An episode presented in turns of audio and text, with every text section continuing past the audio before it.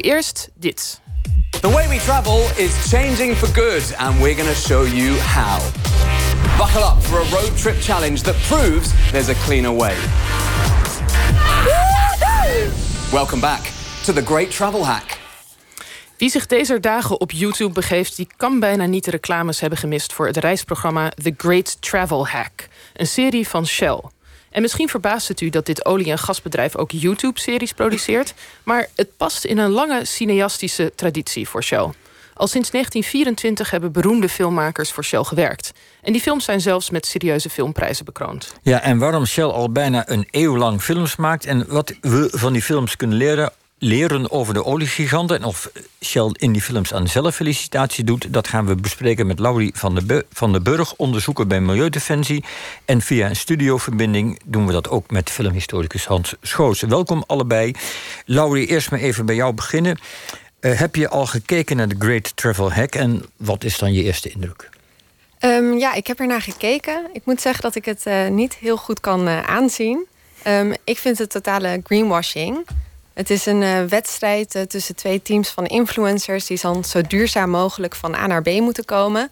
Maar in de hele serie wordt er niet met de trein gereisd, terwijl dat nou wel de meest duurzame optie is. Wat, wat is greenwashing? Um, greenwashing is eigenlijk wanneer een bedrijf zich groener voordoet dan die is. Ja, uh, oké, okay, dus het is een beetje. Het, het, klopt niet helemaal wat er gebeurt, wil je zeggen. Maar kun je ook even gewoon een beetje. Want nu zeg je ja, je ziet twee teams. Maar doen er nog bekende mensen aan mee, zoals meestal? Is, is er nog iets leuks aan te zien als je dat wel zou willen? Ja, dus in, er, zijn er is een Brits team en een Nederlands team. En het Nederlands team bestaat uit een bekende Nederlands model. Um, en nog een bekende influencer. Ik ben niet zo thuis in de influencerwereld. Um, maar die worden gevolgd door een hele grote groep uh, jongeren. Um, dus die zullen er vast met veel plezier naar kijken. maar ja, ik werk uh, aan een klimaatrechtszaak uh, tegen Shell. Dus ik zie er wel wat anders in. Ja, want dat zeg je al. Hè? Jij doet uitgebreid onderzoek naar de films van Shell. Dat doe je voor milieudefensie. Dus dat doe je niet helemaal uit algemeen menselijk wetenschappelijk interesse. Wat is het doel van jouw onderzoek? Ja, ik werk dus aan een klimaatrechtszaak tegen Shell bij Milieudefensie. Die um, hebben we in april uh, aangespannen tegen Shell namens meer dan 17.000 mede-eisers en nog zes andere milieuorganisaties. En um, dus die films en, en ook interne publicaties van Shell... die zijn heel erg belangrijk voor onze zaak. Omdat wij om Shell aansprakelijk te kunnen stellen voor klimaatverandering... moeten aantonen dat Shell weet of had moeten weten... dat het een grote rol speelt in het veroorzaken van de klimaatcrisis. En dat is dus waar we die uh, films en ook de interne documenten van Shell voor gebruiken... eigenlijk als bewijsmateriaal in onze rechtszaak. Ja, precies. Dus jullie gaan echt die films bestuderen om ook te kijken van... Goh, wat, wat zegt Shell eigenlijk over dit soort zaken... en op welk moment hebben ze dat ja, bepaalde wat, dingen wat al wist Shell wanneer en wat hebben ze met die kennis gedaan? Ja, oké. nou, we gaan het straks hebben over de recentere films van Shell... die jij dan vooral hebt bestudeerd. Uh, vanaf het moment dat ook milieu- en klimaatproblematiek in zicht komt, ze maar zeggen. Maar eerst een vraag aan Hans. Hoe begon de filmcarrière van Shell? Voor zover ik weet... Excuus. Uh, voor zover ik weet was de eerste Shell-film in uh, 1924. Er blijkt altijd nog weer een vroegere te zijn, dus ik hou een slag om de arm. In ieder geval was dat uh, de petroleumfilm... Um, die gemaakt werd in Nederlands-Indië, zoals dat toen heette. voor de Bataafse Petroleummaatschappij, wat een, een onderdeel van Shell was. Ja. Er was een wat langere film, zonder geluid of commentaar. Met alleen af en toe, het was in de, het tijdperk van de zwijgende film, uh, zoals dat heet. Um, zonder commentaar dus ook. En alleen met wat verklarende teksten gewoon in beeld uh, geprojecteerd tussen de beelden in. En, en, wat was de bedoeling van die film toen? Uh, ja, dat was natuurlijk een goede indruk maken. En lukte dat? Uh, nou, dat lukte vrij goed inderdaad. De, de première die werd in het Koerhuis gehouden met 1600 uh, bezoekers, voornamelijk uit Haagse kringen, kort samengevat. En nou ja, daar was men, was men erg enthousiast. Dus ja, dat lukte. En de, de recensies waren ook navenant, zeg maar. Het, je kon zien dat de, de Shell niet alleen maar voor de winst ging, maar ook ja, vooral het goede wilde doen in. Ja, en wat was het dan het goede doen in Indië? hoe zag dat er dan uit in die film? Nou, ik moet erbij zeggen dat film, dit, dit is een uh, vrij uh, terughoudende, registrerende film hoor. Dus je, je, moet je dus helemaal niet iets uh, voorstellen zoals de, deze recente YouTube-filmpjes. dit is echt. zijn heel veel beelden zonder commentaar van, van Shell-vestigingen, van mensen aan het werk en dat soort dingen.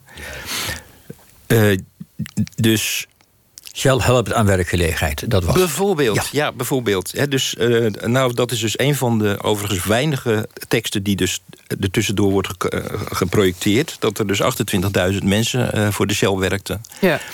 En, en uh, Laurie, weet jij waarom dat toen een eeuw geleden al zo belangrijk was voor Shell... om zichzelf als, ja, toch een beetje als maatschappelijk verantwoord bedrijf te presenteren? Nou, um, de fossiele industrie heeft eigenlijk altijd al, dus ook voor klimaatverandering, een gigantische en met name lokale impact gehad.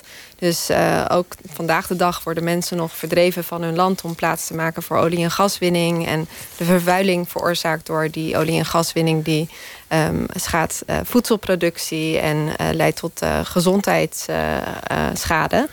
Um, en dus is het eigenlijk altijd al heel erg belangrijk geweest voor die industrie om maatschappelijke steun te krijgen. En ook om steun van overheden te krijgen om toch hun vergunningen te krijgen die ze nodig hebben om uh, te opereren.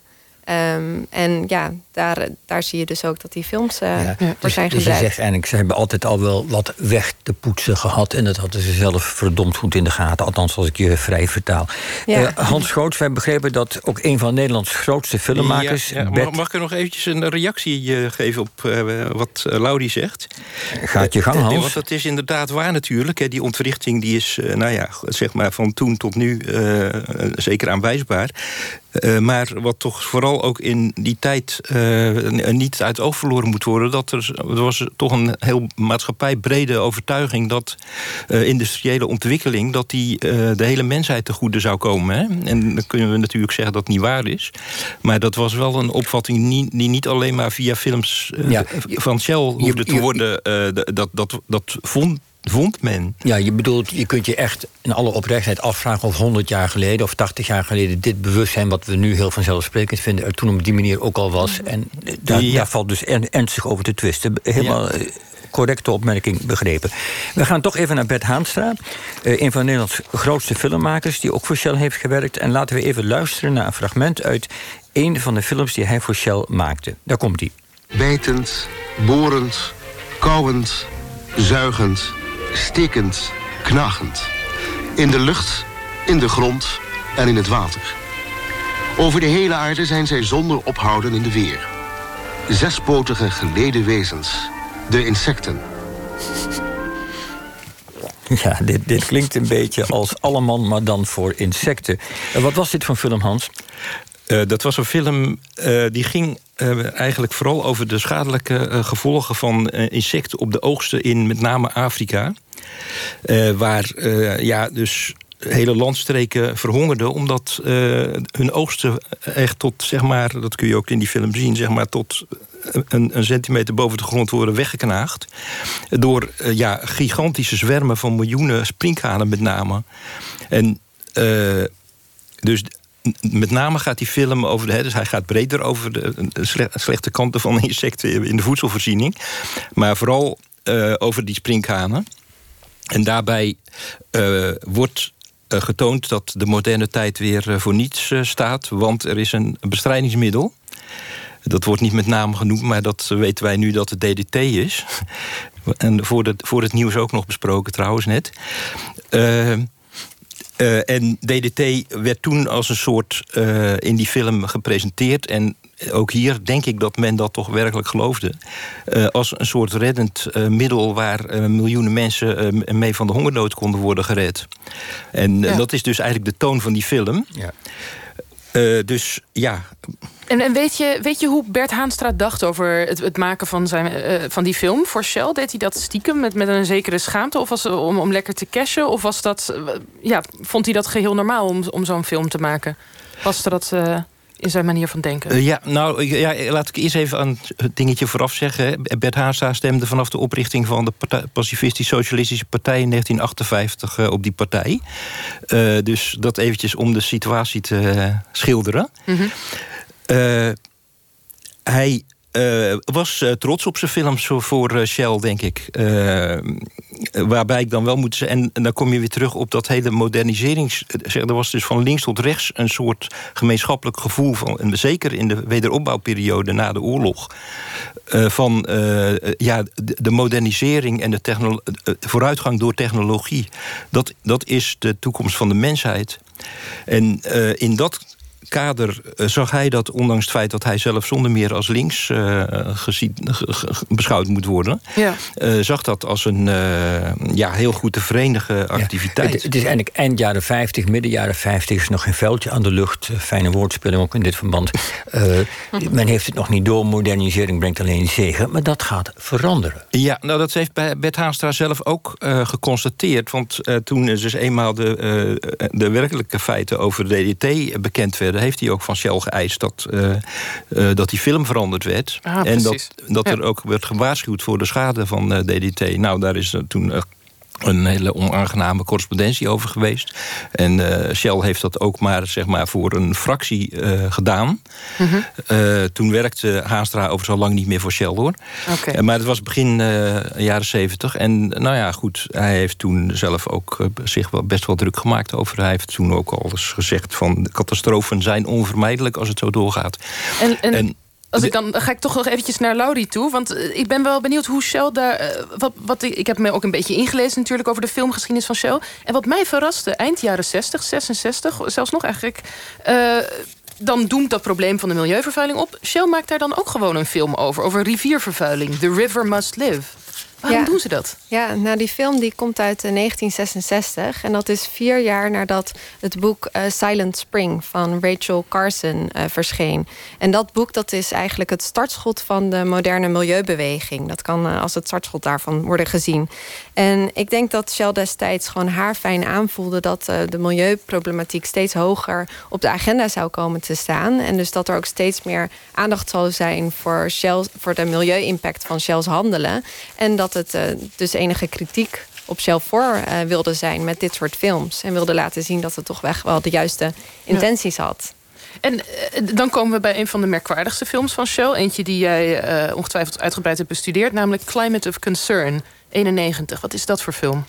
Ja, dat is dus een film van Shell over klimaatverandering. En die laat zien dat Shell in 1991 echt heel uitgebreide kennis had over de klimaatproblematiek. Dus het ging in op hoe olie, gas en kolen de grootste oorzaak zijn van het klimaatprobleem. Over dat dat toch echt een heel urgent probleem is. En dat als we geen actie zouden ondernemen, dat er dan um, voedseltekorten zouden zijn en overstromingen. En dat er eilandstaten zouden worden uh, zouden verdwijnen door de zeespiegelstijging. En Shell die roept dus ook in die film op tot uh, actie. Ja, laten we heel even luisteren, want we hebben een fragmentje van. Strange, mesmerizing images of possible futures have each prompted the same serious warning. A warning endorsed by a uniquely broad consensus of scientists. Action now is seen as the only safe insurance. Ja, dit, dit is toch action now, inderdaad, zeggen ze.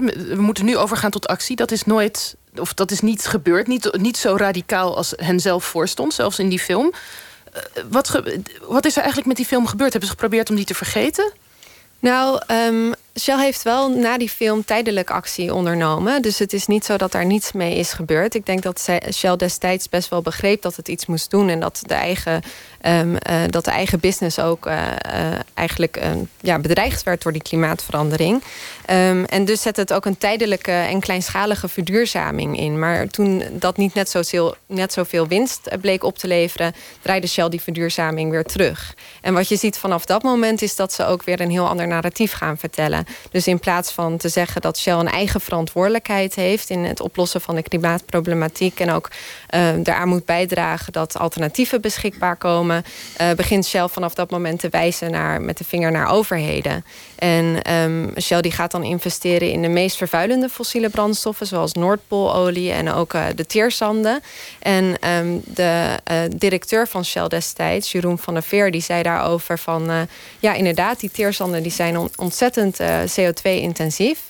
Maar wij krijgen de vergunningen van de Canadese overheid om die teerzanden te ontginnen. En het is aan de overheden om ons te reguleren. Dus je ziet dat zij dan eigenlijk een heel ander verhaal gaan vertellen om die investeringen in vervuilende brandstoffen te rechtvaardigen. Ja, en even een allerlaatste korte vraag. Als je nou nu naar de, hoe heet het, de Great Travel Hack kijkt, zie je dan ook iets van die verandering in denken? Wordt er daar ook gezegd uh, dat die verantwoordelijkheid niet bij Shell ligt, maar bij anderen? Nou, bij de consument. Dus in de Great Travel Hack roept eigenlijk uh, Shell uh, influencers en de mensen die naar de Great Travel Hack kijken uh, op om duurzamer van A naar B te gaan. Um, en ja, zoals ik eerder al noemde, de trein die komt uh, niet aan bod. En ondertussen is wat Shell daar uh, propageert, dus duurzamer uh, handelen, is niet wat Shell zelf vertaalt naar zijn eigen handelen. Ja. Dus, um... dus Shell zat ooit op het goede spoor. En de vraag is, kunnen ze er weer onder meer door jullie op teruggebracht worden? Nou, we gaan zien ja, hoe dat afloopt. Die rechtszaak, ja. ja. Ja. En wie benieuwd is geraakt naar de films van Shell, we hebben op radio1.nl nog een artikel geplaatst met een linkje, linkjes naar een aantal van die films. En zelfs die uit 1924.